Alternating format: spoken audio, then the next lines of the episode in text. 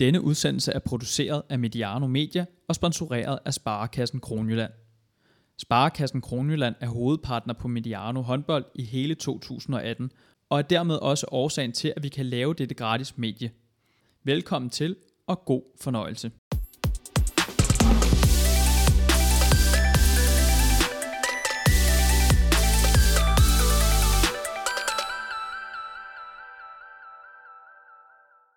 Der bliver i vanlig stil snakket regler og protester i dansk håndbold, så er der en skilsmisse på vej, og det der kynisme, hvad er det for en, en mærkelig størrelse, og hvem har det?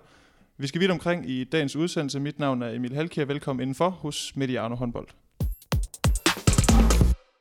Dagens panel består af Jesper Fredin, cheftræner for Højs 1. divisions herre, og vores helt egen ekspert, Jakob Gren. Velkommen til I to. Tak for det. Jakob. Tak. Sådan. Øh, jeg tænker med, med tanke på de her dukfriske resultater fra, fra onsdagens herreliga, så går jeg ud fra, at, at stemningen den må være rimelig god her i, i Mediano Studie 1.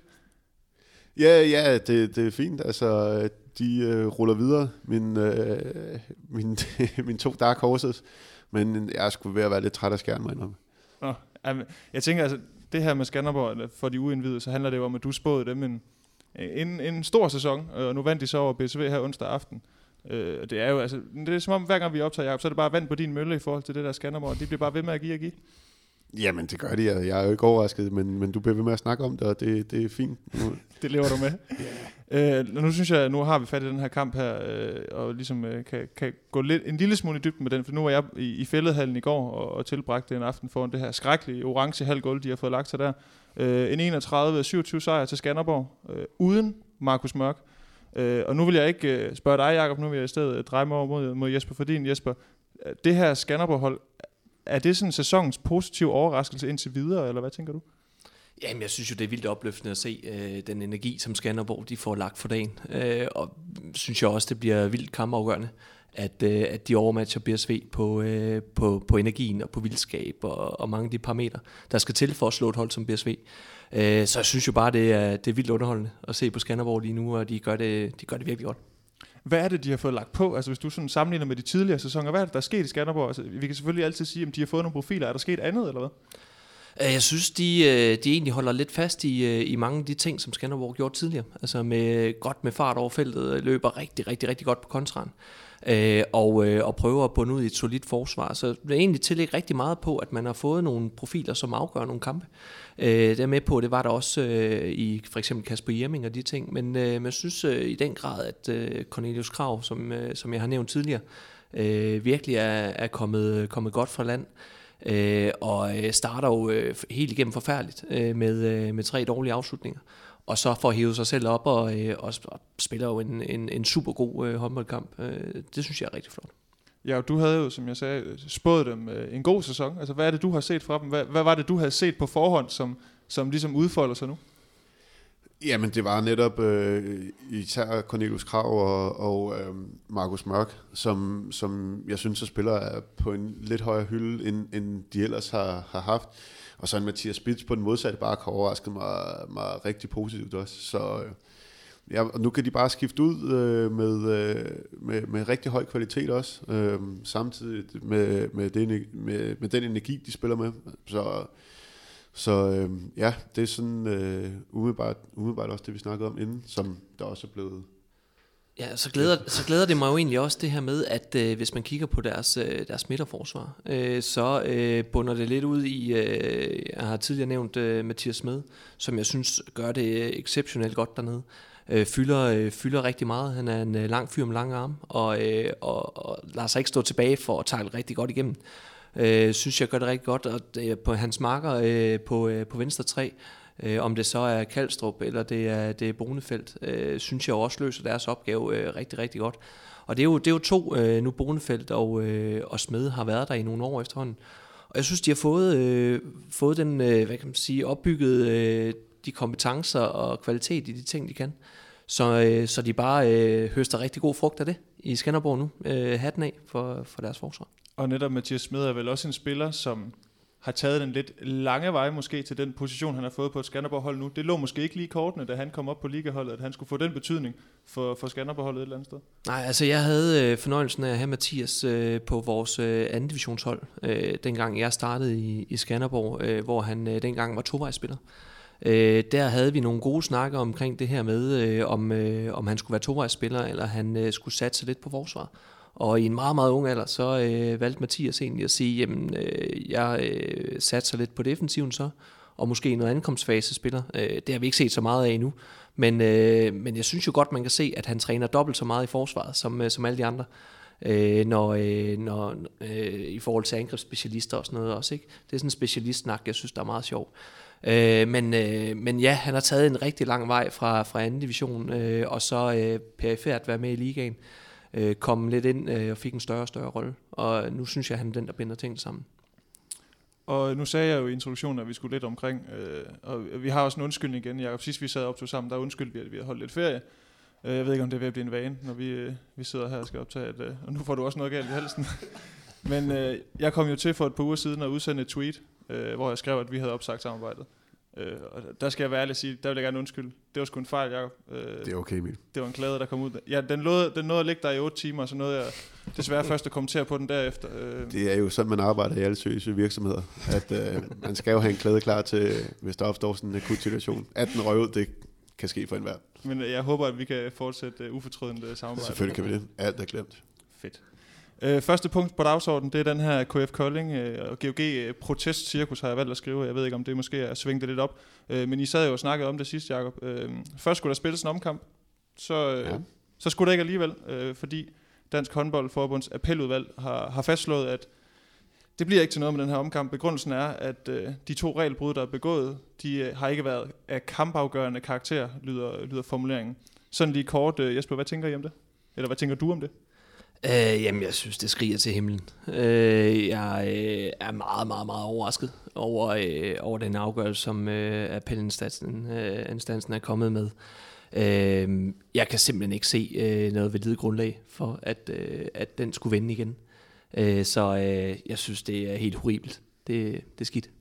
Krikau, han sagde efterfølgende til TV2 Sport, at, øh, at nu er det lige pludselig ikke et spørgsmål om, eller nu er det lige pludselig et spørgsmål om, at der sidder nogle uvildige håndboldfolk, som på en eller anden måde ikke har noget med håndbold at gøre, som så skal afgøre, om noget er kammergørende eller ej, Jacob. Altså, hvad, hvad tænker du om, at der måske har siddet nogen, som ikke har haft fingrene på den måde nede i harpiksbøtten, og så skal til at vurdere, om noget er kampafgørende eller ej?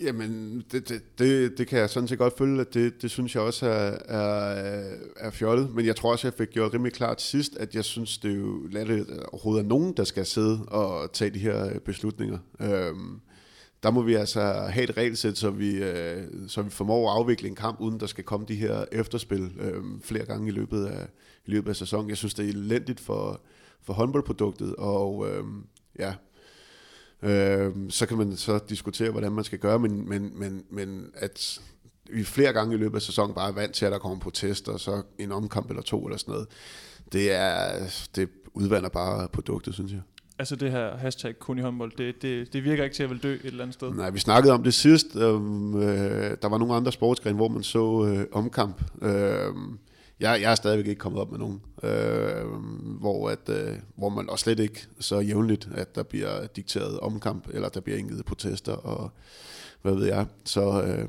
ja, måske en kun i håndbold også her.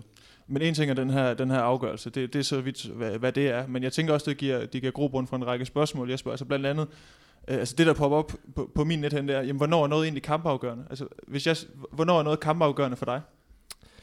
Øh, jamen det kan det jo være øh, i mange øh, henseender i spillet, øh, og også tidligt i kampene. Øh, så det, øh, det, jeg synes, øh, det, det, det bliver et mærkeligt argument. Og igen, for at komme tilbage til den der med, øh, så er det jo tre, øh, som jeg har forstået det, øh, tre advokater, der skal vurdere øh, på, øh, hvorvidt, hvornår øh, noget er kampafgørende. Og det kan simpelthen ikke lade sig gøre. Altså, det, det, det, det findes ikke i min verden. Øh, det bliver rent og sker øh, hypotetisk. Og, øh, og hvis man skal bruge et øh, Peter Bredstorffs øh, udtryk, så bliver det synsninger. Og, og der, der er jo alt for, øh, for mange facetter, der skal tages højde for. Og jeg synes, hvis, øh, hvis det er noget, der kommer til at stå fast, øh, det her, så vil det jo i den grad øh, danne et uheldigt præcedens øh, fremadrettet øh, hvor alle jo vil appellere alle øh, protester, alle vil skyde til højre og venstre med protester, og at det, bliver, det bliver et protestcirkus, øh, hvis, hvis det får lov at stå i min verden. Jeg ser du det også som en potentiel glidebane, den her øh, sag? Ja, fuldstændig. Altså, det bliver jo ekstremt subjektivt, hvornår, eller det er ekstremt subjektivt, hvornår at noget er kamp, kampafgørende. Det er jo det, vi sidder og snakker om nogle gange her. Hvad, hvad, hvad er det præcis, der afgør det? Øhm, det kan være en, en sekvens i, øh, midt, i, midt i første halvleg, hvor man lige får øh, et overtal, eller løbe nogle kontra på en fejlkendelse, hvad ved jeg, hvor at kampen øh, knækker over. Altså, det, det, det kan jo opstå fra det nærmest fra det første til det, til det sidste minut. Øh, så forstår jeg godt, at man føler, at det er mere afgørende øh, sidste kampen, men det er jo ikke nødvendigvis øh, sandheden. Der er følelserne måske bare lidt mere ude, øh, ude på tøjet, og det er jo altid de sidste, de sidste mål, man husker. Men, men det betyder jo ikke, at det reelt er det, der har været kampafgørende for, for, slutres, for, for slutresultatet. Så det bliver helt sikkert en glidebane, hvis vi skal ud i, i sådan noget. Det kan være, at vi skal derud, hvor man kan nedlægge protester over, en, øh, hvis en målmand har stået for godt og synes, han har været, han har været kampafgørende, så, øh, så kan man jo sige, det var måske også noget, der, der afgør en kamp. Men, men har vi noget, har vi, lærer vi noget af sådan en sag her, altså udover at øh, vi bare må trække på skulderen og sige, øh, nu igen, Jacob? Mm, Jeg ved ikke, om jeg har, jeg, jeg har lært noget. Jeg er i hvert fald blevet... Jeg vil sige, det, det jeg selv har tænkt over, det er, at øh, jeg er blevet lidt mere... Øh, altså ikke, ikke at det, det er noget nyt, men lad os nu give øh, dommerne noget hjælp. Lad os få nogle helt klare regler. Og h- h- altså, øh, hvis vi kan hjælpe øh, i forhold til noget video, så har vi snakket om før, Øh, det skal selvfølgelig være, ikke kun være i tv-kampen, det skal være noget, der kan implementeres i samtlige kamp hen over, hen over en, en sæson. Øh, måske ikke så afgørende i, i lige den her situation, men, men et skudur. Altså lad os tage de der ting, som vi kan tage øh, væk fra øh, dommerne, øhm, øh, dommernes, ja, hvad skal man sige, øh, deres øh, ansvar for at vurdere en hel masse situationer, så de kan fokusere på nogle lidt mere vigtige ting. Øh, der synes jeg, vi kan, vi kan i hvert fald nå, nå langt.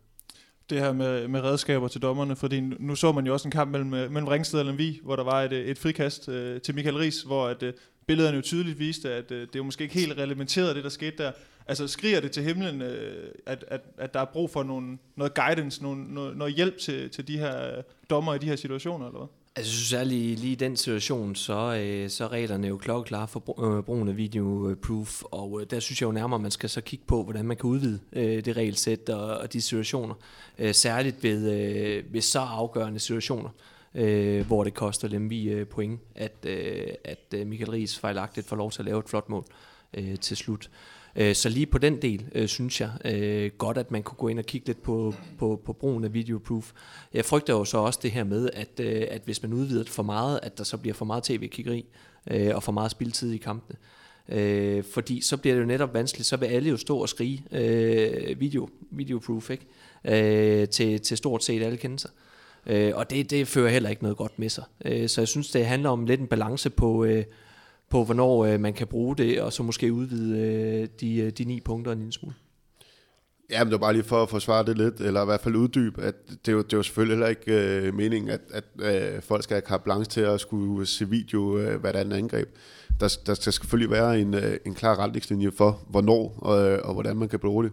Men i forhold til det der eksempel, så provokerede det min retfærdighedssans helt vildt meget, at man kunne sidde og se øh, nærmest sekunderne efter, at det var en, øh, at det var en scoring, der ikke, øh, der ikke burde til. Øh, der kan man så snakke om kampafgørende i, øh, i, øh, i sidste sekund. Men, øh, men på trods af, at det faktisk var til fordel for, for Ringsted mod Lemvi, så, øh, så provokerede det mig helt vildt meget, at man nærmest simultant med, øh, med at øh, Ringsted rent og jublede, øh, kunne se, at, det, at det, det, var et, det var et point, de aldrig skulle have haft. Provokerer det dig ekstra meget, at et sådan point, når det har med, med de her to hold at gøre? Det kan være forskellen på op- og nedrykning, eller på nedrykning og overlevelse. Det, nej, det provokerede mig ikke, øh, ikke øh, specielt meget, men, men det er rigtigt, at det måske er kan blive ekstremt afgørende øh, for netop de her to hold. Det var mere en generel betragtning, at, at det, det synes jeg er dybt latterligt, når man som tv-seer kan sidde og se nærmest samtidig. Øh, folk har måske siddet og kunne se det på, på telefonerne i hallen samtidig nærmest, at, at øh, den aldrig skulle, øh, aldrig skulle have talt. Det synes jeg, det synes jeg er lavt. Der, ligger, der synes jeg bare, den ligger ret meget til højre ben, hvor man kan gå ind og sige, der er ikke nogen tvivl. Øh, det mål skulle ikke have talt. Målet tæller ikke. Altså, ja, den, den, den, den, den synes jeg bare, den er, den er så nem at, at indføre. Og der kan man så tage den sådan lidt tilbage på, fordi der er jo rigtig, rigtig, rigtig mange øh, efter kampen, der skriger på protest. Hvorfor bliver der ikke nedlagt protest og de her ting? Og der igen savner noget klarhed øh, mm. i reglerne for, øh, hvad kan man nedlægge protest på, og hvad kan man ikke.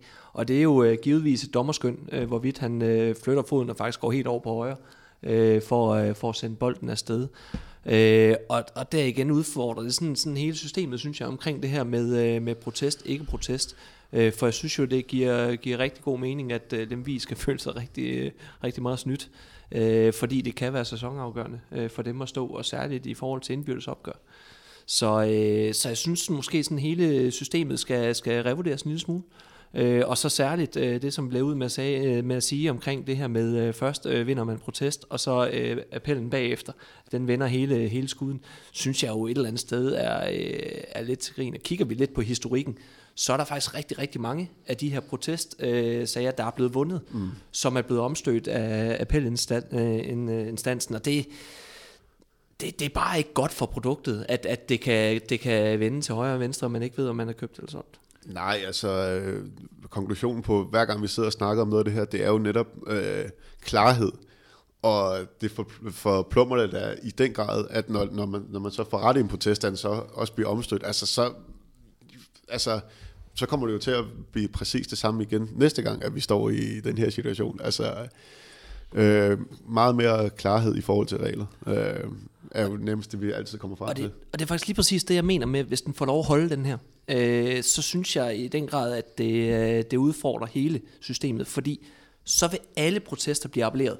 Og så vil der være sådan en god sandsynlighed for, at der sidder øh, tre mand, der, øh, der vurderer, at Emil Jakobsen, han skulle nok have scoret på det straffekast ja. øh, til slut i kampen. Om det så er 9 minutter før tid, eller det er kvarter før tid, jamen så er der jo et eller andet sted øh, sådan en hypotetisk gætværk chance for, at det kunne være gået, som det gjorde. Og så øh, skal man jo vinde sin appel. Og, og nu spurgte du, ja, nu spurgte du, om man blev klogere. I den her sag, der er man i hvert fald ikke blevet et hak klogere. Altså, øh, hvad fanden sker der næste gang, øh, der opstår en lignende situation?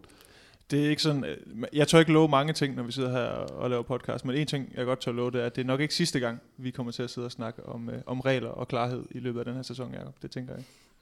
Vær lidt optimistisk, Jeg tror, øh, nu kører det bare på skinner for nu.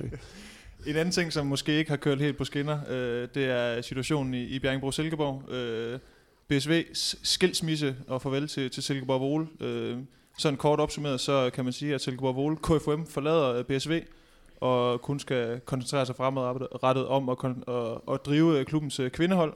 Øh, og så har man så fortsat ved siden af et samarbejde omkring, øh, omkring talentudvikling. Øh, jeg ved ikke, altså sådan, sådan kort, altså Jesper, når man sådan hører omkring den her sag, nu har vi også haft et BSV, undskyld, en BSV, en klub, som som præsenterede et, et, et, dårligt underskud, eller et dårligt regnskab med et stort underskud. Altså, et dårligt underskud. Et dårligt underskud. Et stort, ja. et stort underskud. Øh, altså, hvad tænker man, når man sådan står her udefra? Altså, hvad tolker man ud fra de signaler, der kommer fra BSV lige nu? Jamen, jeg tror egentlig, det her med, at det kommer lidt som perler på en snor, øh, det tror jeg er med til, at, øh, at, at man rynker sådan lidt på næsen over det, og, og, og, og tænker lidt, hvad der sker. Øh, hvis det var sket uden, at der havde været øh, det her underskud, som, som BSV jo aldrig har, øh, Øh, så øh, havde man ikke tænkt så meget over det. Så tror jeg faktisk måske, det bare det havde været sådan en naturlig afvikling af, at man har, øh, har to hold, øh, et på herre og et på damesiden. Og det, øh, det på damesiden, øh, synes jeg, vokser. Øh, og så ville det måske være naturligt at skilles øh, på et eller andet tidspunkt. Men i, i sådan en kast af, at, øh, at, at der lige er et underskud, øh, så, øh, så tænker man jo straks, at det handler om økonomi. Øh, og det er sådan det, øh, det jeg sådan, øh, tænker, når jeg ser det. Og så alt den her polemik omkring, at der er en bestyrelsesformand, der trækker sig, og vist også øh, nogen på direktionsgangen, som ikke længere har deres arbejde, så synes jeg, at det giver en masse uro. Hvad tænker du, Jacob, om de signaler, der kommer fra, fra det midtjyske lige pt? Ja, jeg ved ikke. Jeg, jeg tror, jeg skal holde mig lidt ud af den her. Jeg tror ikke, der er en rigtig mand til at, til at vurdere, øh, hvad, der lige, hvad der lige sker. Men det, jeg vil sige, er, at det er vigtigt at pointere, at de stadigvæk har det her ungdomssamarbejde. Og, øh, og så kan man udefra se godt synes, at det giver god mening ligesom at få lidt mere klarhed. Altså vi har et Silkeborg Vol på damerne og Bjergbro på, øh, på, på herrene, som øh, den her eliteoverbygning. Øh, men jeg ved i hvert fald, at, at ungdomsarbejdet, øh, eller samarbejdet, det kommer til at fortsætte. Øh, og det tror jeg er vigtigt for, for begge klubber. Eller man kan sige i hvert fald, øh, at de har noget at kigge øh, og stil, er stil imod. Øhm, og Silkeborg Vo, de, de er dygtige til at udvikle talenter, så det er også fint for Bjergbro, at de, at de fortsætter det, tænker jeg. Men, men i forhold til signaler, hvad der foregår på gangene og sådan noget, det, det tror jeg ikke, jeg skal udtale mig om. Det ved jeg ikke nok om.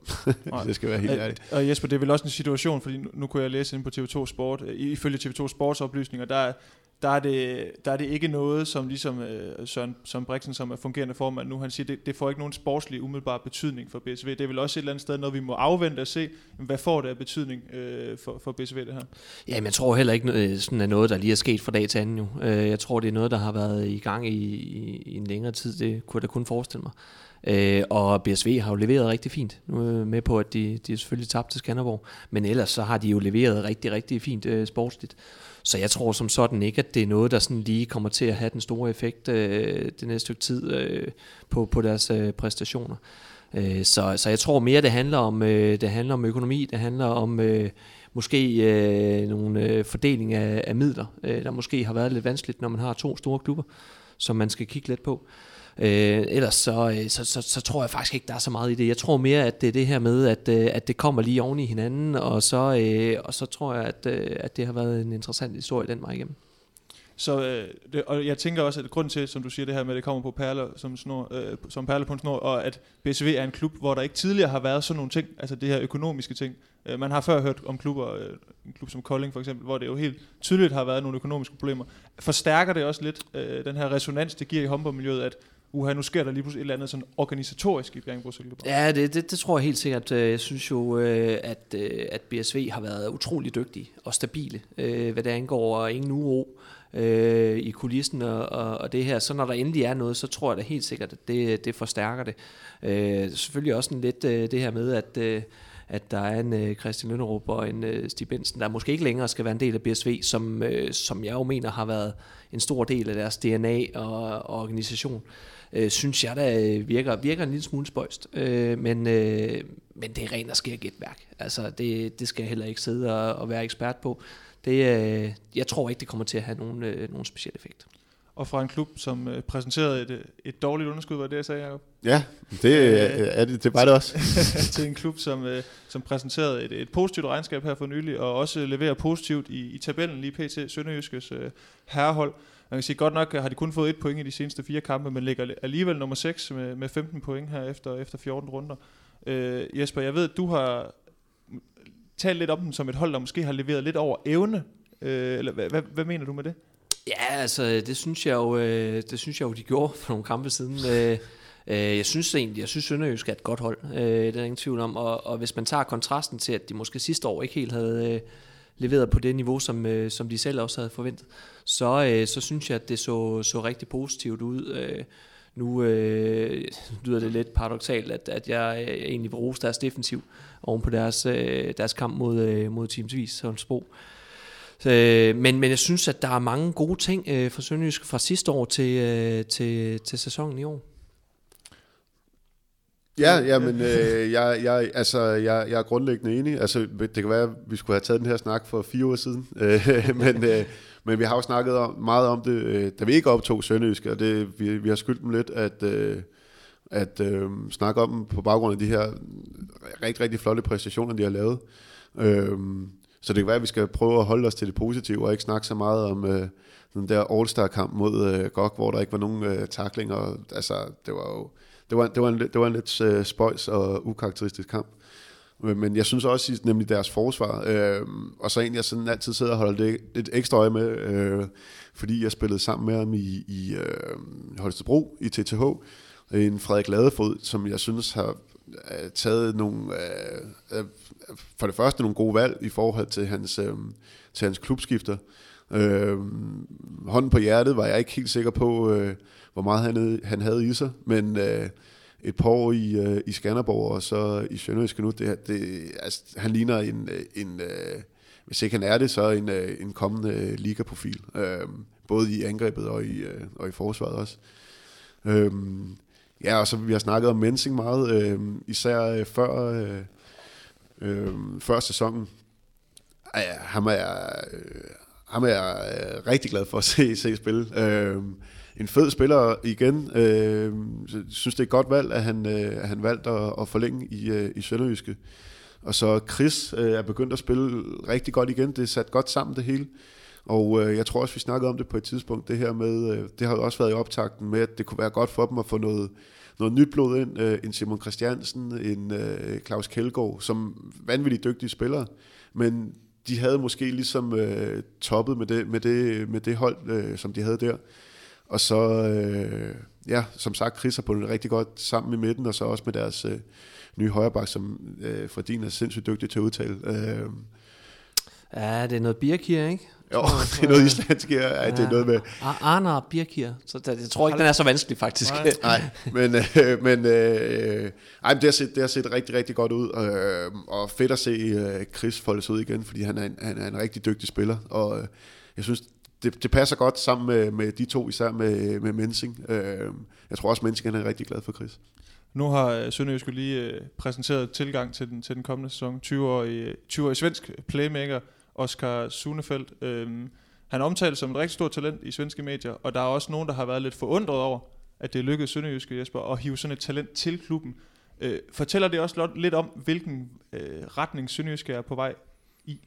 Jamen, jeg synes jo egentlig øh, generelt, de har været, øh, været fine i deres rekrutteringer i, i længere tid, øh, og, og den nye øh, offentliggjorte tilgang af, af Oscar er, er virkelig, virkelig flot. Øh, det, øh, det viser, at Sønderjysk er på vej i en, øh, i, i en god retning, øh, og har været gode tidligere, også hvis vi kigger tilbage øh, på stregspilspositionen med Gullerud, og synes øh, også, at de har ramt noget helt øh, specielt på, øh, på Arne Birkir, som, som jeg slet ikke havde set øh, kunne bidrage i den... Øh, i den grad, som han har gjort, har overrasket mig rigtig meget. Øh, selv opfundet Mensing, ikke?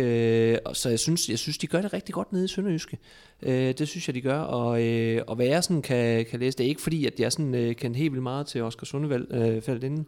Men, øh, men så, så vil han bidrage med, øh, med noget, som de ikke har i forvejen. Øh, han kan blandt andet dække træer. Øh, og det, øh, altså, nu nævner øh, Gren, at, at Chris har gjort det rigtig, rigtig godt. Og det har han. Han har også imponeret mig meget øh, til den sæson. Det er også derfor, at Birkir og, øh, og, og Mensing, de har præsteret på så højt niveau. Men Chris, han kan fandme gale med ikke træer. Det kan han Nej, det ikke. kan han ikke. Øh, så, og så det, det, det synes jeg jo er meget interessant, at vi har en øh, playmaker, der kan dække, øh, der kan dække træer. Ja, det er ikke noget, vi sådan ser helt vildt ofte, øh, og, og det giver jo i den grad noget i forhold til at kunne løbe frem og tilbage, ikke skifte så meget ud. Øh, de er et af de hold, der kan spille uden specialister så.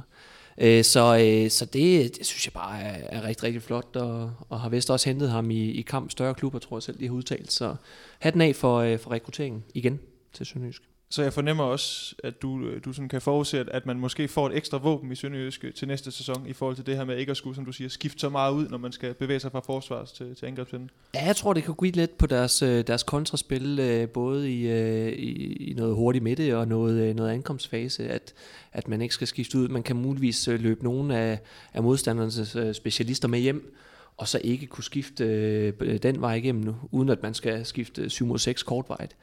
Øh, så kan man holde nogle, øh, nogle specialister inde og, og egentlig bare trykke på i, i nogle gode perioder. Øh, det synes jeg da bliver spændende. Men også øh, i forhold til, at man får en helt anden type. Øh, hvis, øh, hvis man har både øh, Chris Jørgensen og øh, Oscar Sundefeldt, så, kan man, øh, så har man lige pludselig et nyt øh, kort på hånden, og kan, kan spille noget anderledes håndbold. Så rigtig ja, fint. Ja, øh, det kræver jo så, at Chris Jørgensen forlænger. Det kunne være mm. vildt spændende, øh, hvis, han, øh, hvis han forlængede, fordi så har man nemlig de her øh, øh, forskellige typer i, i midten. Jeg, jeg må indrømme, jeg ved heller ikke øh, så meget om ham, ham svensker, men jeg glæder mig, til at se ham, men han lyder umiddelbart ikke som en Chris Jørgensen-type, hvis han både kan dække, øh, dække træer og... Øh, og øh, det, ja, nu må vi se. Men, Det kan men, du godt men, sige uden at fornærme Chris, det tror Ja, jeg. det, det kan det, Han er sikkert det, det håber jeg. Ej, jo, det tror jeg trods alt, han er. Men, øh, men jeg er positiv vendt omkring øh, Sønderjyske generelt, og, øh, og øh, nu har de også en stamme, de har forlænget med Mensing, øh, hvad hedder det, hvis vi går ud fra, at Chris han bliver ladefod, den der nu, øh, det er jo hele, hele paletten rundt nærmest, øh, øh, folk med udviklingspotentiale, øh, og så tror jeg også lige, at vi begynder til lige at nævne, at de også er rigtig dygtige, øh, dygtige fløje. Øh, Christian Jensen er en, der også har, har overrasket mig positivt. Jeg, jeg kan huske ham, øh, da vi spillede mod Aalborg, hvor at vi... Øh, og nu kan jeg godt sige det nu, han ligesom har taget øh, skridtet videre, men, øh, men hvor vi, altså vi gav ham jo nærmest ind til bakken, øh, når vi var presset, for, øh, fordi vi var ret sikre på, at han ville brænde, ikke? Han, han, øh, han, han, han, har sat, han har gjort det godt i de kampe, som, øh, som, som jeg har set med dem. Rigtig godt den der. Ej, nu har vi sagt til Fredin, man gerne må bande lidt i vores podcast, så det, du kan bare øh, give oh, jo, men altså, jeg behøver ikke gøre det hele tiden. Nej. Øh, og også, de har jo selvfølgelig også en, en Mikkel Møller på den anden øh, fløj, som også har, har spillet en, en, en, rigtig, en rigtig fin sæson. Øh, så fik vi også lige talt lidt om Sønderjysk, ja. Det var sgu, øh, ja, det var dejligt. Det var tiltrængt. Ja, det var det. Det var det øh, vi skal også snakke lidt om Mors Thy, og, og det er egentlig øh, på en lidt, lidt ærgerlig baggrund, synes jeg jo, øh, fordi øh, Markus Dahlin, han har desværre brækket hånden. Øh, Jesper, vi har tit, og det har I også siddet og snakket om her, det her med sammenhæng mellem succes i Mors Thy, og sammenhæng mellem, at Dalin han spiller godt.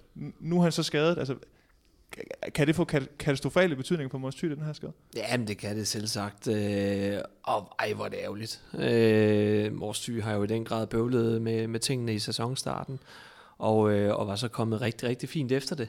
Øh, og så render man ind i en, øh, en øh, skade øh, på, på Dalin øh, nu her, hvor, hvor det egentlig er begyndt at, at gå ganske udmærket. Så det er, det, det er sindssygt ærgerligt for, for Mors Thy. Øh, når det så er sagt, øh, så, øh, så må man jo tænke i alternativer. Øh, Dalin er en rigtig, rigtig god spiller. Ingen tvivl om det, og, og er også, som I siger, kampafgørende. Øh, og en vigtig faktor for, at Mors Thy skal gøre det godt. Øh, men men øh, man kan ikke øh, gardere sig mod skader. De kommer, øh, og de kommer også på profilerne. Det har vi set før. Øh, og så må man jo tænke i alternativer. Og hvis vi træder et skridt tilbage, Jakob, for, for at styre og breder den lidt ud, altså det her med, at når profiler bliver skadet, vi har også set i GOG, hvor det er øh, Nimi Lærker, der lige pludselig ind og, og tage, tage læse efter en Lasse Møller øh, og gå ud. Altså hvad sker der på et hold, når der mangler den her, jeg ved ikke om man skal sige leder, med den her profil, der skal, der skal afgøre det. Er det noget, du har prøvet før i din karriere? Ja, det er det. Øh, hvis jeg lige skal øh, bare lige binde en krølle på altså der er jo også bare nogle klubber, der har, der har bedre, øh, flere ressourcer, eller bedre muligheder for at gardere sig på nogle positioner. Og man kan sige, at øh, Mors er måske ikke dem, ikke et af de hold, der har de, der har de bredeste trupper, så de er måske ekstra porøse over for det. Og vi har jo også snakket om, og også sat nogle tal på øh, TV2-statistik, som jeg henviste til sidste gang, eller var det sidste gang igen, øh, hvor vigtig han har, han har været for det, for det her hold. Så det bliver jo spændende at se, om, øh, om de trods alt har fået så meget gang i den, og deres mentaltræner har hjulpet dem så meget, at de kan, at de kan ride den her, øh, den her bed af. Øh, men for at svare på dit oprindelige spørgsmål, så øh, det eksempel, der står tydeligt for mig, det var, øh, da Michael Damgaard han brændte en vanvittig sæson af. Øh, og var i en position, og jeg havde taget en position, og også blevet sat i, i en position af vores træner, hvor at han skulle afgøre rigtig, rigtig, rigtig mange. Og vi skal lige sige, vi er i Holstebro her. Det er bare Undskyld, sådan, vi er, er i uh, øh, TTH. Ja. Øhm, ja, Claus Brun, Brun var træner, som rigtig godt kan lide de her typer. Det har vi også set uh, i, omkring damelandsholdet. Han har også været, altså han har jo været meget klar i spyt om, at han godt kan lide de her uh, typer, der godt tør at, at tage noget ansvar og tage nogle chancer. Og øhm, det må man i den grad sige, at Michael Damgaard han, øh, han tør. Men han har som sagt spillet en, øh, en fuldstændig vanvittig sæson og båret os som hold rigtig langt. Øhm, han bliver så skadet i netop øh, Sønderjyske. Jeg tror, det var sidste eller anden sidste spilrund, hvor at, øh, det faldt, øh, det faldt fuldstændig, fuldstændig sammen for os. Øh, selvom vi faktisk havde rigtig, rigtig mange dygtige spillere, så var vi bare vant til, at det var Michael, der skulle afgøre vores, øh, mange af vores spilleåbninger, var, øh, var lagt op til, at Michael skulle afgøre det. Så øh, det, det kan blive rigtig, rigtig afgørende. Nu siger jeg ikke, at Dalin på samme måde er, er sat på den måde øh, overholdet af en for, forkert formulering, men, men i hvert fald er udsat til at have en rigtig vigtig rolle.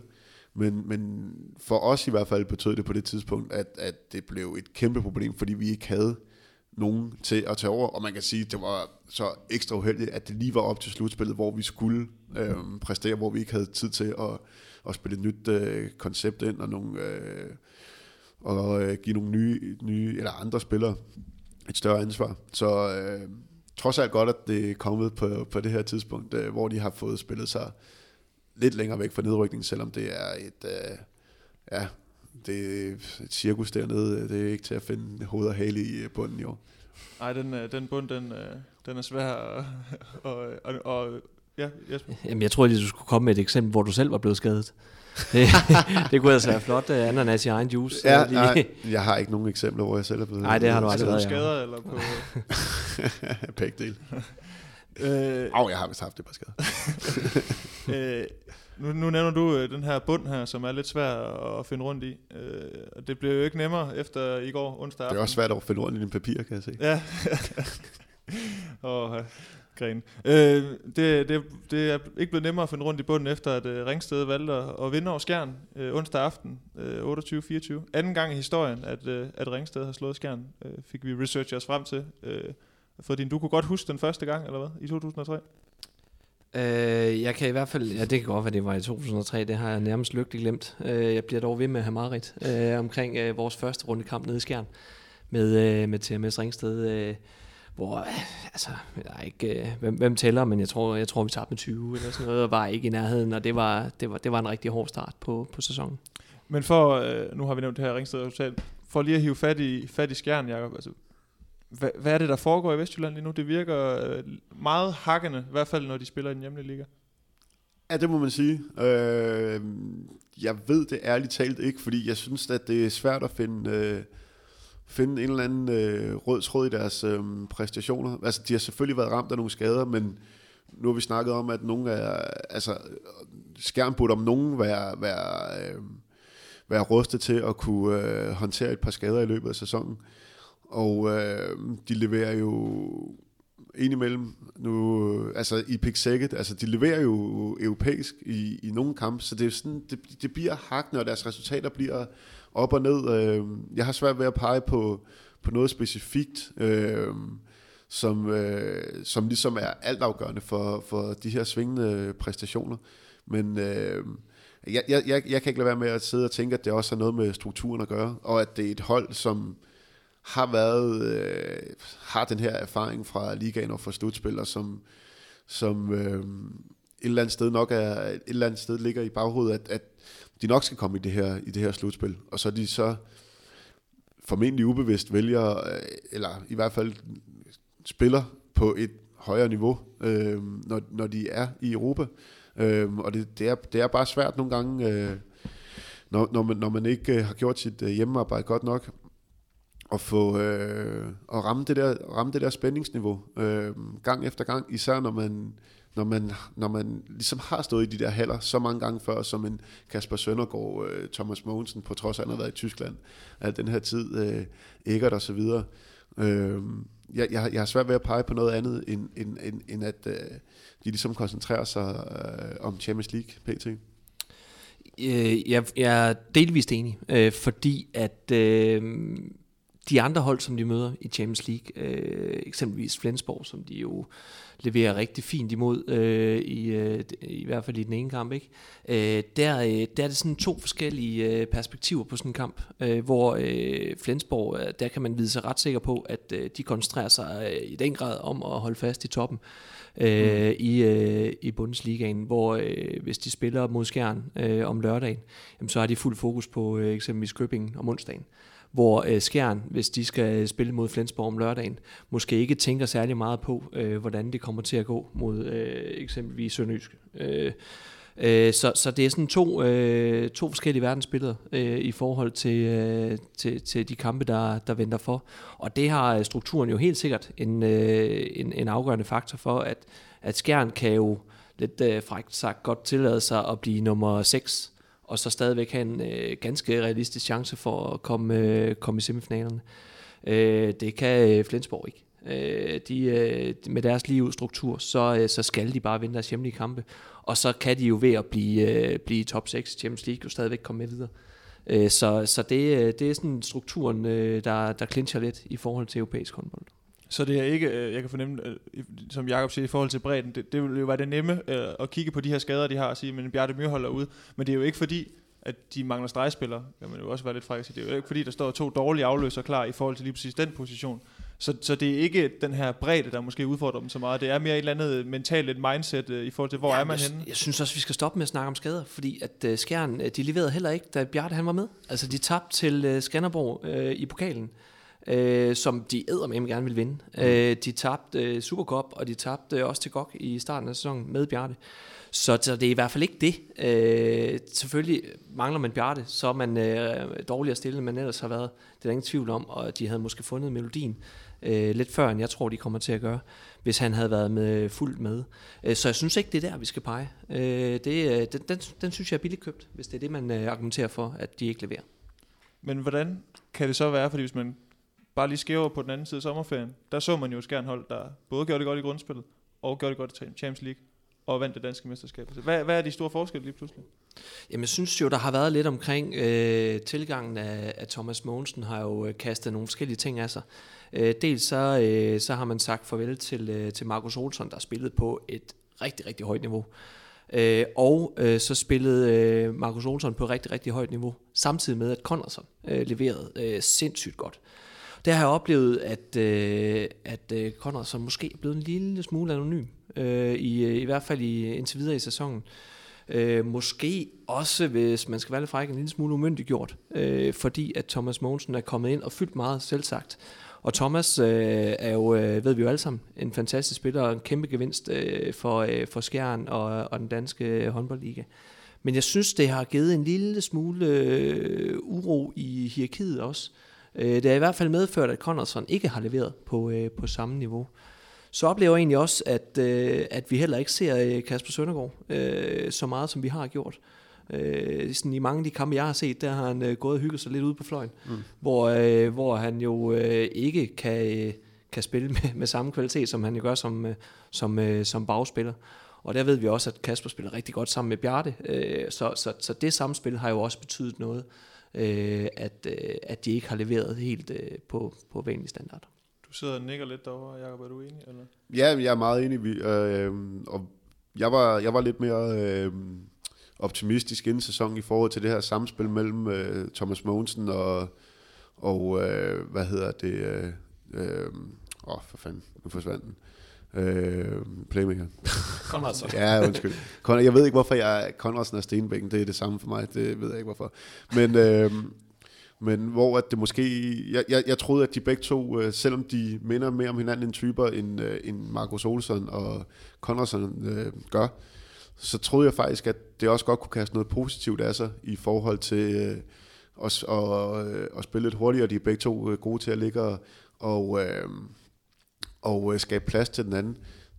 Det, det har de måske ikke lige ramt sådan 100% endnu. Øh, og så er det også øh, rigtigt med en, øh, med en Kasper Søndergaard, som er gemt lidt, lidt væk ude på fløjen.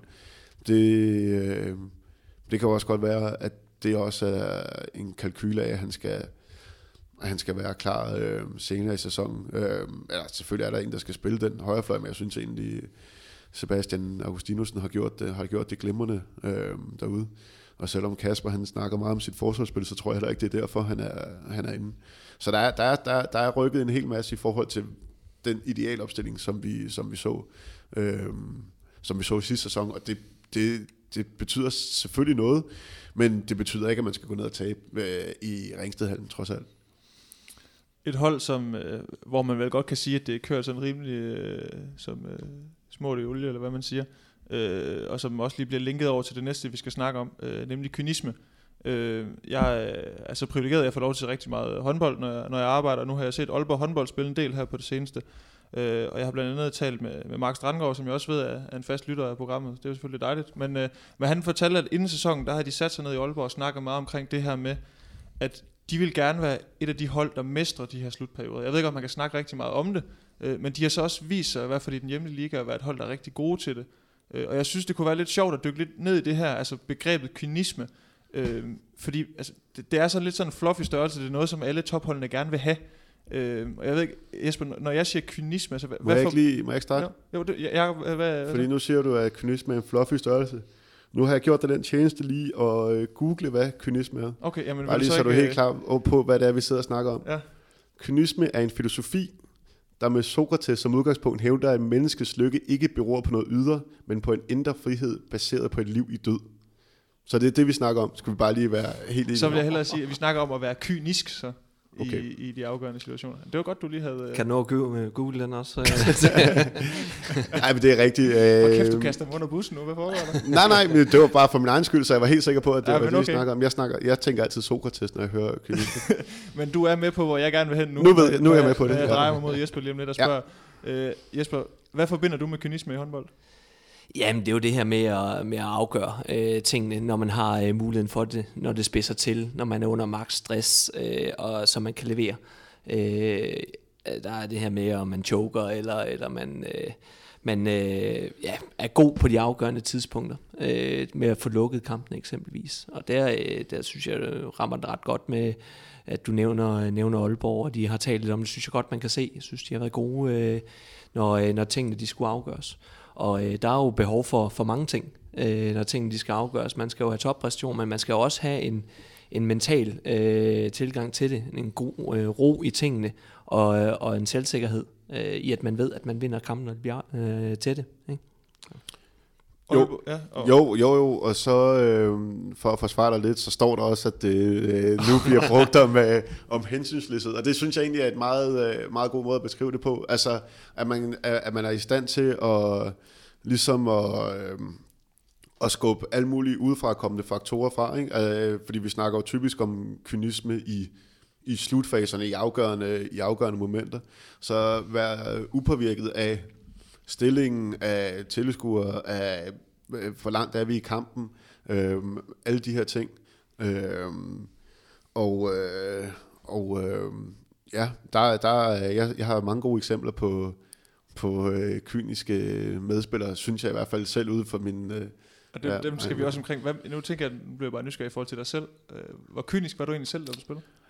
Jamen, jeg var, jeg, altså, det handler jo ikke, nu snakker vi meget om, øh, eller jeg tænker i hvert fald meget, når jeg tænker på en som kynisk, så, øh, eller dem, der i hvert fald tit bliver bragt op, når vi snakker om, man snakker om kynisme, så er det jo også dem, som øh, laver nogle, de afgørende, scorer målet, eller ligger assisten øh, i de afgørende. Øh, altså, kynisme handler jo også om, tænker jeg, at det, det er nødvendigvis ikke mig selv, der skal afgøre det. Du kan godt, du kan godt høre, at jeg væver. Men nej, hvad hedder det? Jeg vil sige, at jeg selv følte, at jeg, at jeg gjorde øh, det rigtige i situationen, øh, når vi begyndte at ramme, ramme, øh, ramme de afgørende momenter. Men jeg kunne også godt se, når jeg sådan har efterrationaliseret, at jeg, jeg var ikke lige så, øh, jeg var måske ikke lige så målsøgende, øh, når, når, jeg var, øh, når, når vi nærmede os de afgørende. Men det er så en helt anden snak. Det var, det var også fordi, jeg følte tit, at der ville være en større chance, hvis at vi øh, gav muligheden for en anden, eller spillede den større. Øh, så nej, jeg var ikke kynisk.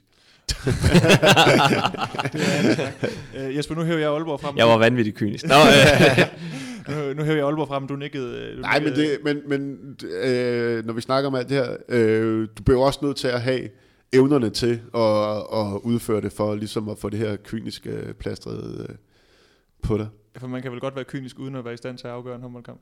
Reelt kan man godt, men jeg tror ikke, du vil, der vil blive snakket om kynisk, hvis, øh, hvis jeg kylede bolden forbi mål øh, fem kampe i træk, okay. hvor den stod uafgjort. Øh, Jesper, nu hører jeg Aalborg frem, og du nikker genkendende til et hold, som du, som du synes øh, havde virket kynisk i år. Altså, hvem, når man sådan snakker kynisme og, og kigger på herreligaen, altså hvem popper så op af hold, og, og også ind i spillernavne? Åh, oh, det, øh, det, det er en vanskelig en. Øh, nu øh, nævnte jeg, nævnte jeg Aalborg før, som jeg synes har ramt nogle, nogle gode ting i år, men, men det er også en lidt, er man, er man kynisk, eller er man bare god? Er man stil til heldig i nogle situationer og træffer man den rigtige beslutning? Jeg tror, det er vigtigt lige at have det her med, som, som du var lidt inde på, Jacob, med, at, at det er jo ikke kun kynisme, at man, at man afgør den, men man kan træffe den rigtige beslutning. Øh, og det er det her samspil med, at man står øh, i en situation, med, øh, når tingene spidser til. Det er jo der, vi, vi taler om, øh, om at være kynisk. Når tingene skal afgøres. At der er rigtig mange ydre faktorer, som man skal være god til, at, øh, til ikke at lade sig blive påvirket af. Øh, man kan stå øh, i et inferno af tilskuere, øh, som, øh, som bare ønsker, at du, øh, du brænder den næste afslutning, så, så hjemmeholdet kan vinde. Øh, Øh, der kan have været øh, alle mulige øh, andre faktorer. Du kan have lidt, øh, lidt med fysikken, du kan, det kan være sent på kamp. Så der er rigtig mange ting, der sådan spiller ind i det her med, øh, som, som man egentlig ikke skal forholde sig så meget til, at det er bare den sidste bold, der afgør det. Og øh, jeg tror ikke, at man øh, som sådan, øh, hvis man skal være øh, kynisk, at man sådan lige tænker lidt over det. Jeg tror egentlig bare, at man, øh, man handler øh, efter bedste overbevisning i de afgørende situationer. Øh, der er mange, der taler om øh, sådan flow-tilstand, øh, hvor man sådan lidt glemmer tid og sted og alt øh, det, der påvirker. Og man egentlig bare gør det, man øh, føler er rigtigt. Øh, og det tror jeg rigtig meget på, at hvis man kommer ind i sådan en flow-tilstand, øh, og dem, der er gode til at komme ind i den her kamp, skal afgøres, det, det er dem, der, øh, der øh, opfattes som kyniske. Jeg tænker også, når man står som træner, så lærer man selvfølgelig spillerne at kende uden for banen, og især inden for banen her. Hvor bevidst er du omkring de karaktertræk hos dine spillere? Altså det her med dem, der er i stand til at komme ind i den her, jeg ved ikke, om man skal kalde det en zone, men så alligevel.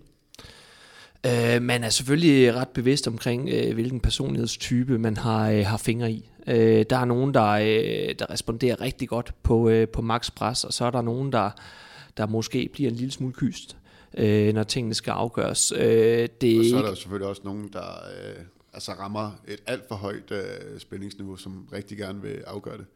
Det kostede mig en UVM guldmedalje. er der et navn, der skal i puljen her, eller? Jamen, det kan vi godt, men skal vi ikke tage den? Og jo, det tager vi efter. Undskyld. Jamen, i bund og grund, så, øh, så jo, så, så, så er der nogen, der bare er rigtig gode til at afgøre tingene. Øh, fordi at de måske ikke tænker så meget over konsekvensen, som, som andre måske gør.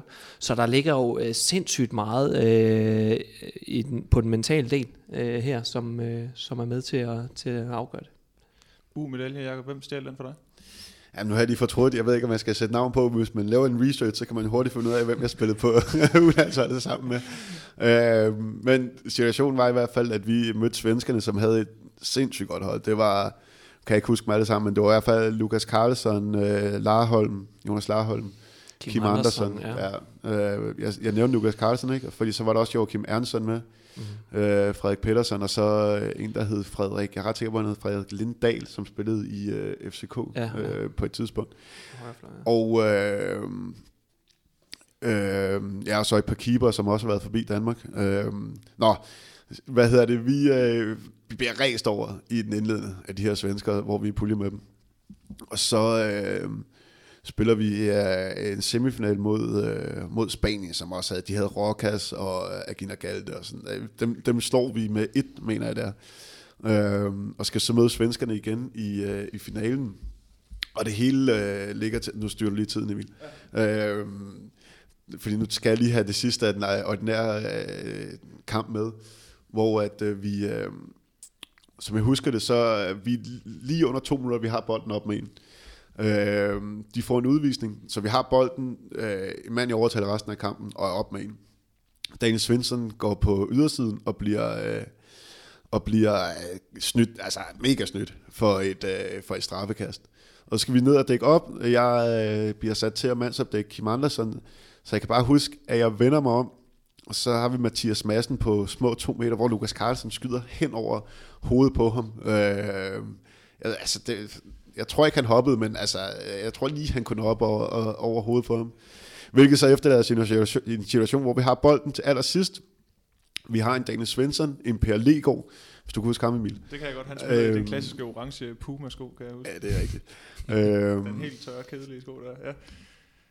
Orange, ja, okay. Nej, men, men, men det er lige meget. Øh, de har i hvert fald været brandvarme hele kampen. Altså, de har båret os øh, igennem hele den her finale. Og øh, hele vores overtalssystem er sat op til, at, øh, at der er en af dem, der skal afgøre det. Øh, vores playmaker, som er inde på det tidspunkt, han øh, vælger så lige at øh, ændre fuldstændig på øh, vores, øh, på vores øh, aftale, og øh, prøver at kommunikere med Martin Bager, som er streg, i forhold til, hvad han øh, lige har tænkt sig at gøre. Som han, han får ikke fat i det og hører det ikke, hvilket så øh, ender ud i, at vores øh, playmaker dribler ind i noget rod, stadigvæk 10 sekunder tilbage, men tager et fuldstændig vanvittigt skud lige i fødderne på, øh, på keeperen, og så får vi, øh, så taber vi den forlængede spilletid. Øh, der er jeg ret sikker på, at vi har haft gode chancer for at vinde med en mand i overtal og en brandvarm Daniel Svensson, som havde fået lov til at afgøre det. Men du kan jo ikke sidde her og vurdere, om det har været kampafgørende, Jacob. Det har vi jo lige siddet og snakket om. Det er jo svært at... Nå, den sidder dybt i dig, kan jeg mærke. Jeg formoder, det havde været kampafgørende. Ja. ja, den sidder rigtig dybt i mig. Kunne det jo også være, at I havde vundet en appel, hvis nu der havde været protest? Ja, vi skulle have, åh, vi skulle have appelleret mod vores playmaker. Ja, men man, der kan man sige, der havde man måske, øh, nu kan vi, du ved, fordi godt kan lide se NBA, men bruger tit det her begreb, der hedder clutch, altså en spiller, som bare er god i de afgørende momenter. og der var så et eksempel på en spiller, der ikke var så, var så clutch. Øhm, er det noget, man kan sådan fremavle, fremelske, den her, øh, hvad skal man sige, øh, evne i de afgørende minutter? Jeg tror, det er, jeg tror, det er vanskeligt. Jeg tror, øh, der ligger noget i øh, igen øh, personlighedstyperne, øh, om man er komfortabel i at være en af dem, der skal afgøre tingene. Jeg tror også, det er meget, meget vanskeligt at træne øh, sådan en situation, fordi at man finder jo aldrig en identisk øh, situation, som den, man kommer til at stå i. Øh, Øh, jeg tror måske, det handler lidt om, at øh, man har stået i det nogle gange før, og man har en, øh, en god selvsikkerhed øh, i, at, at man plejer at være god der, så man ved bare, at man scorer. Øh, så øh, det, tror, det tror jeg sådan er noget af det, der, sådan, der sådan spiller sig lidt ind. Øh, jeg synes jo egentlig, det er ret interessant. Øh, nu har jeg selv øh, lavet et, øh, et bachelorprojekt på et tidspunkt omkring øh, straffekast-karakteristika fra øh, håndboldligaen i øh, 15 og 16, øh, hvor jeg analyserede samtlige straffekast, der var. Og øh, der kiggede jeg også lidt på øh, det her med, øh, når øh, skytterne var, var under øh, makspres. Jeg kiggede lidt blandt andet øh, på tidsintervallet i tætte kampe, øh, fandt jeg så ikke sådan helt vildt meget på, men, øh, men ellers så i forhold til grundspil og slutspil, hvor man jo må sige, at der er lidt mere pres på, øh, på kampene i slutspillet, end der er i grundspillet. Og der synes jeg, øh, man sådan fik et meget godt billede af, at, øh, at der var nogen, der var dygtigere i, øh, i grundspillet frem for slutspillet, og nogen, der var øh, det skarpere i slutspillet i forhold til grundspillet. Øh, det skal så lige siges, at der er jo sindssygt mange mekanismer i spil, og, øh, og der kan foregå sindssygt meget, øh, inden de her straffekast de skal blive øh, afviklet. Men, øh, men jeg har da har lidt sjov procent på det. Hvor, hvor stort et udsving var der, altså i sådan procentuelt? Åh, oh, så, øh, der kaster du mig lidt tilbage i. Øh, ja, altså vi har, øh, vi har op imod de 30 procent, tror jeg, på, på, på dem, der har de største udsving. Øh, men her skal det så altså 30 procents forskel?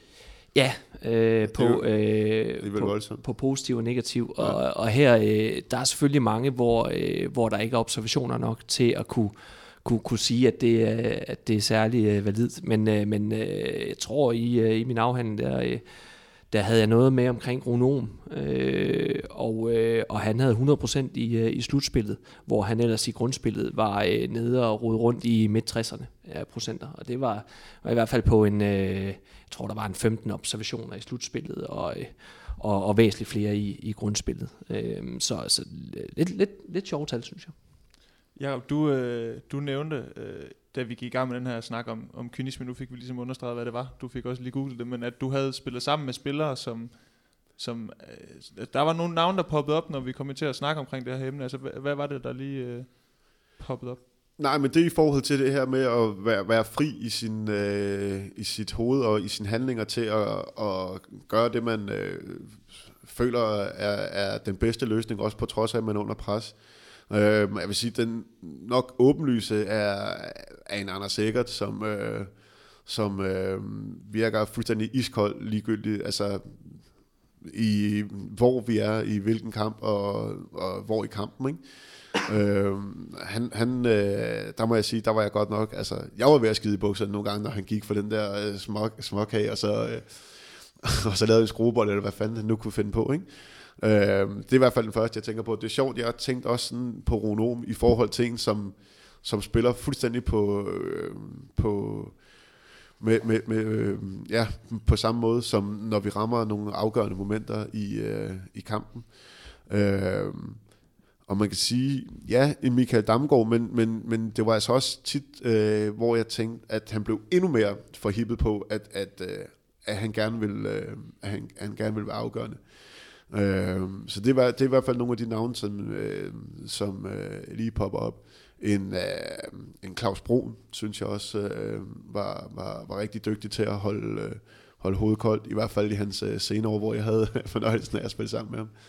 Øh, ja, så synes jeg jo egentlig heller ikke, vi må, øh, vi må glemme øh, sådan en som øh, Bo Spillerberg, hvis vi skal grave ham frem Jamen, fra, fra, fra, sammen fra, fra Schweiz. Nej, jeg, jeg, jeg, mig desværre heller ikke spillet sammen med. Det kunne altså have været meget sjovt. Ja. Øh, men, men der kigger man jo også på, hvem er det, der bliver overladt til de her opgaver. Øh, hvor man jo øh, vidste, at når kampene de skulle afgøres, øh, så blev bolden givet til Bo, og så sagde man, gør et eller andet med den. Mm. Øh, om han så laver målet, eller han laver den målgivende afdeling, eller hvad han gør. Øh, det, er, øh, det, det, det er sådan lidt øh, uvæsentligt i min verden. Men, men det her med, at man bare siger, jamen, prøv at det er dig, der skal afgøre det her. Og jeg er ret sikker på, at Bo han har stået i sindssygt mange af de der øh, afgørende faser. Øh, så, så det er han ganske vant til øh, og, øh, og øh, så er bolden jo nok i gode hænder.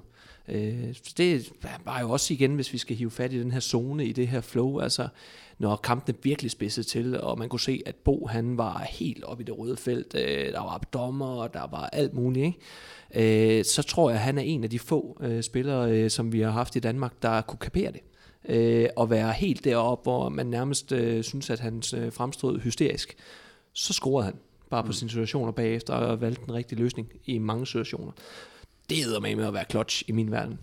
Og man så jo også øh, meget på Popo Spillerberg i landsholdsregi, hvor han måske ikke var den startende, men jeg kan da mindes en forlænget spilletid til en slutrunde, hvor det faktisk var ham, der blev sat ind, øh, da tingene skulle afgøres. Så det er jo måske igen Jesper et rigtig godt billede på, at der har man haft en spiller, som kunne kapere og være i det her, uanset øh, hvor stort presset var, var udefra.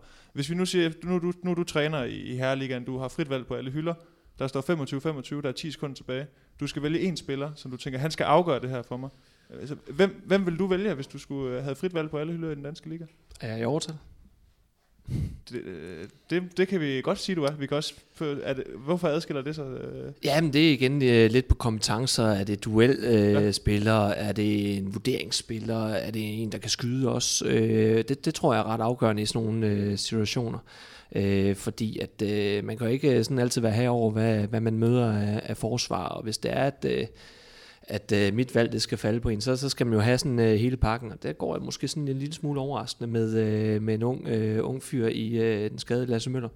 Øh, fordi at jeg vurderer ham til at være rigtig, rigtig skarp til at øh, i hvert fald at kunne spille mange løsninger, og så øh, om man så evner at træffe den rigtigt i den situation, øh, det ved vi jo ikke. Øh, det ville måske også være nærliggende at tage en, der havde lidt mere rutine. Men, øh, men jeg oplever egentlig, at han, øh, han kan spille bolden til, til stort set alle i, i lokalet. God på sin vendebold, øh, har et rigtig godt og teknisk skud.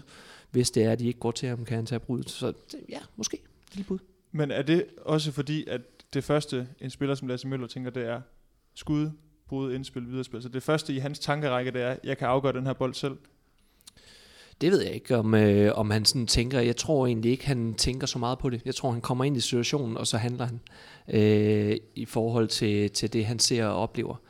Øh, så det, øh, det, det, det tror jeg er noget, han gør. Jeg tror også, hvis man spørger ham bagefter, øh, hvorfor han lavede øh, sin kringle, som blev årets mål sidste år, øh, så tror jeg ikke, at han lige kan svare, jamen det var fordi forsvarsspilleren han stod der og de ting, og så tænkte jeg, at øh, ja, det er bare noget, han gør.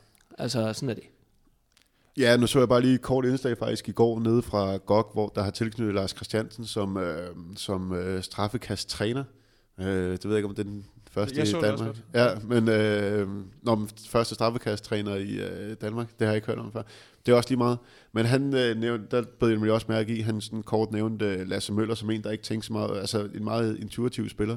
Så det tror jeg, du har ret i, og så besidder han nemlig det hele, så, så han har muligheden for at eksekvere den rigtige beslutning.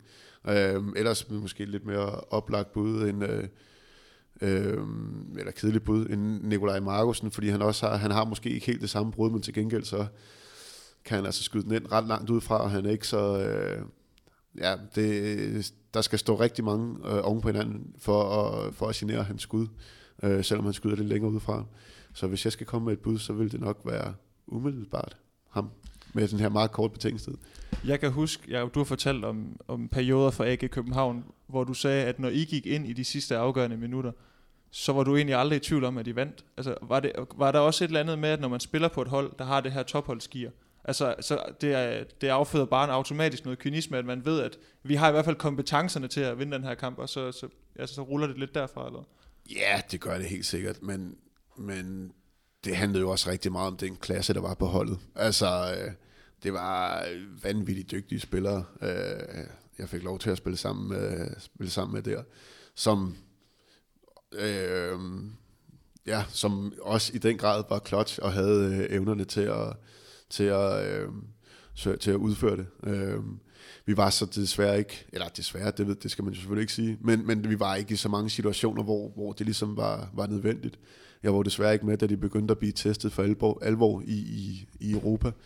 Øh, vi, havde, vi havde en pokalsemifinal mod, øh, mod, mod Skjern, hvor vi faktisk var ved at, hvor vi var ved at tabe, men hvor at, øh, hvor at, øh, jeg kan huske i hvert fald en Kasper Witt, en Mikkel Hansen bare lige steppede op, og jeg tror, vi hentede fire mål på de sidste øh, tre minutter vand med en. Øh, det er sådan, jeg i hvert fald lige husker det, hvor man bare tænkte, wow, okay, det var det så rimelig nemt ud. Øh, men ja, Kasper Witt er også et godt bud på en øh, clutch keeper. Helt sikkert. Jeg ved ikke, om vi øh, er der noget på faldet i forhold til den her clutch øh, kynisme-snak. Nu fik vi jo øh, understreget, hvad kynisme det egentlig betyder øh, af grenen her til at starte med. Jesper, er der noget, du tænker, vi lige skal have, have med på faldet i forhold til det? Noget, øh?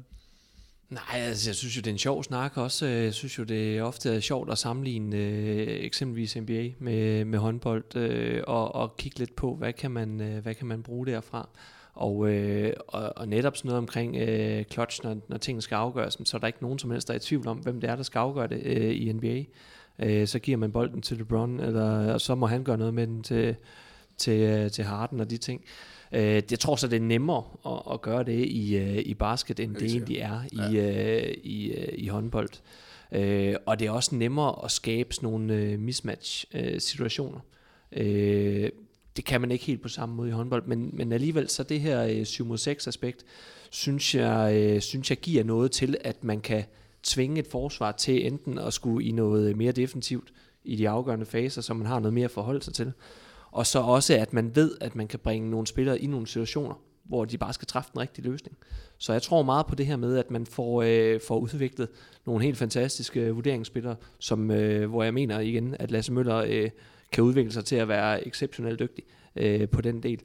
Øh, som så har et, øh, et våben over for de her øh, sidste sekunds afgørelser. Øh, så, øh, så ja, det, det er sådan fremtiden med 7 mod 6 øh, perspektivet, så, øh, så, så tror jeg, man kan skabe nogle clutch-spillere, som ellers ville have det lidt mere vanskeligt i, i almindeligt spil.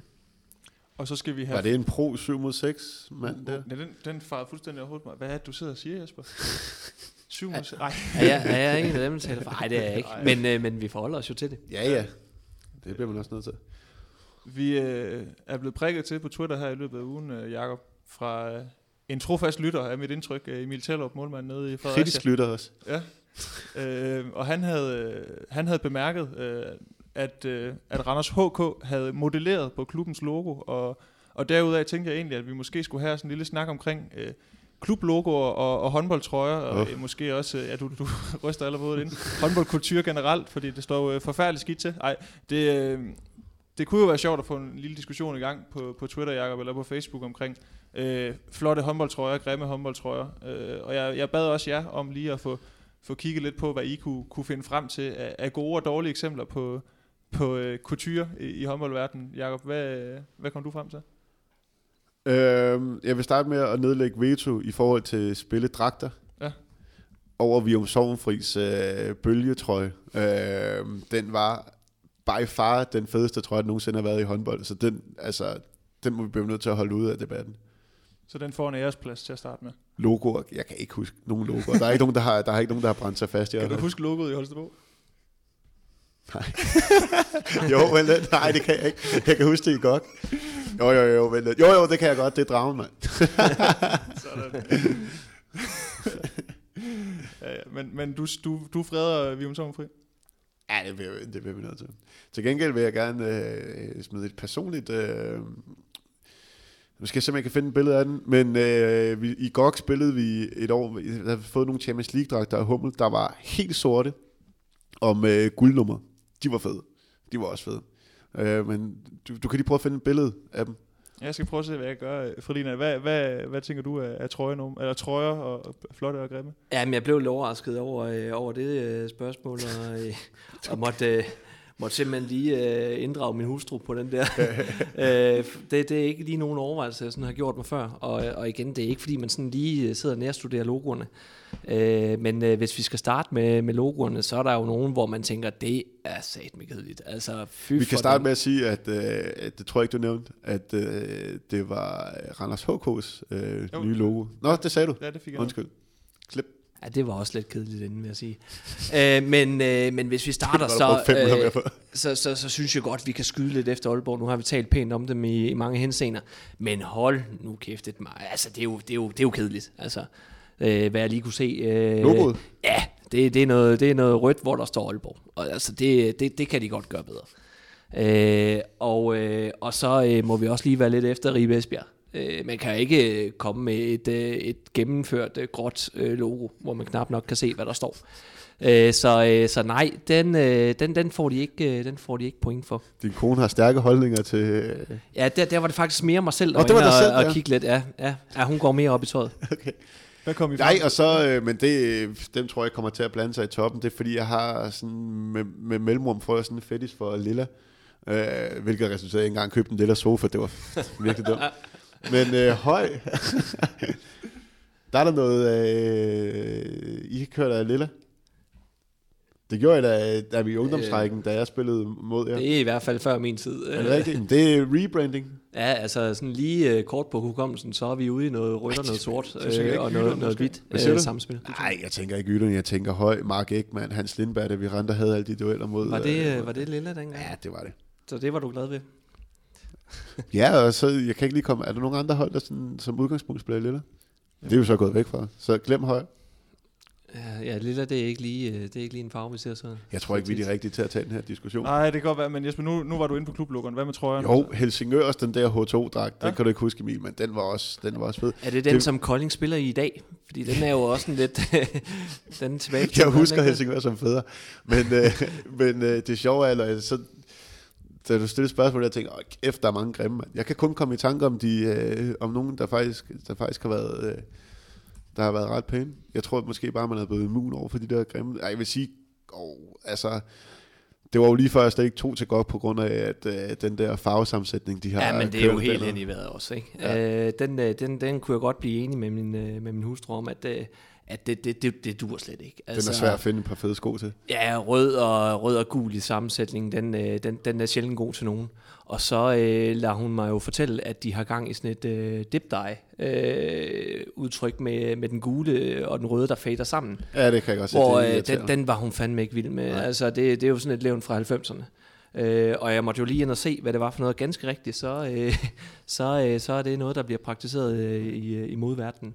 Øh, det dur slet ikke øh, på håndboldbanen. Det, øh, det, det, er jo, et- det er jo et magtværk af rang. Altså. Hvad med mønstre? Hvor, hvor står I i forhold til mønstre? Fordi det har vi også set uh, Hawaii-tema i Kolding København på et tidspunkt, for eksempel.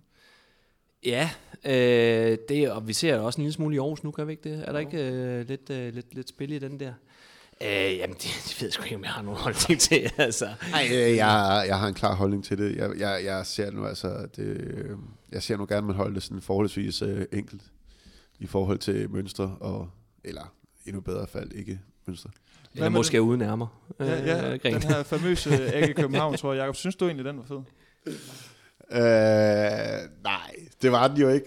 Men altså, jeg kan ikke rigtig få mig til at... Øh, altså, men, men øh, det var jo et bevidst valg, og jeg vil sige, det, det første og eneste gang, jeg var i en klub, hvor, at, øh, hvor der var så kraftige holdninger til, til tøjet. Øh, vores, øh, det var jo direkte inspireret af basket, det var ikke nogen hemmelighed, men, men øh, vores shorts skulle være forholdsvis store, og vores øh, trøjer skulle være, de var ærmeløse, og så skulle de sidde helt tæt.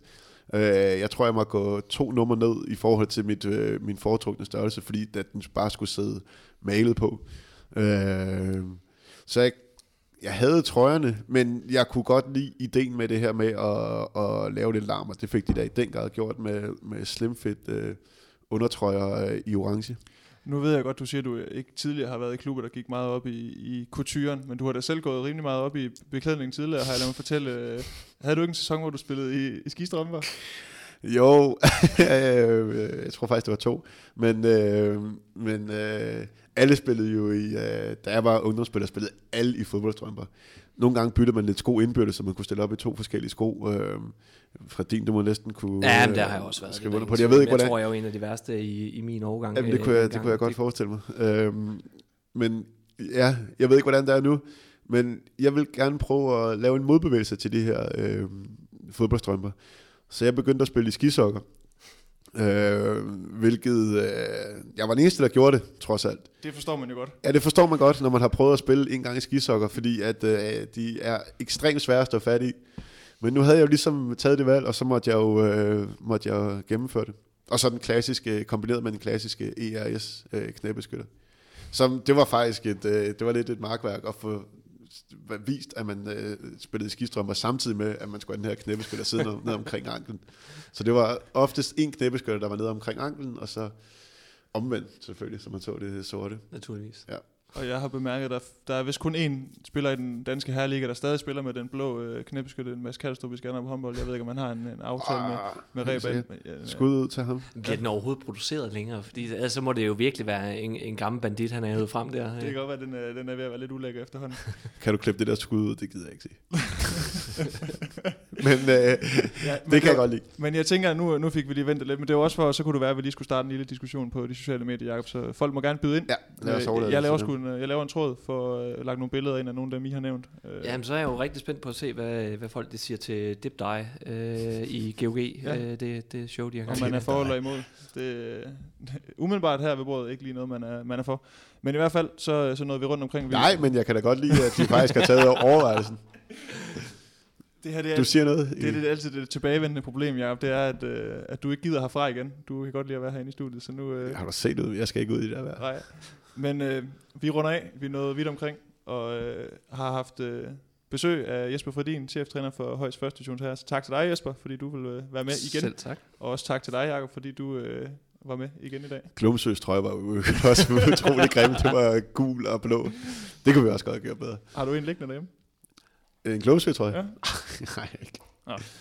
Øh, følg os på sociale medier, Facebook, Twitter, Instagram. Vi er over det hele, ikke Jacob? Øh, vi fylder hele mediepaletten ud efterhånden.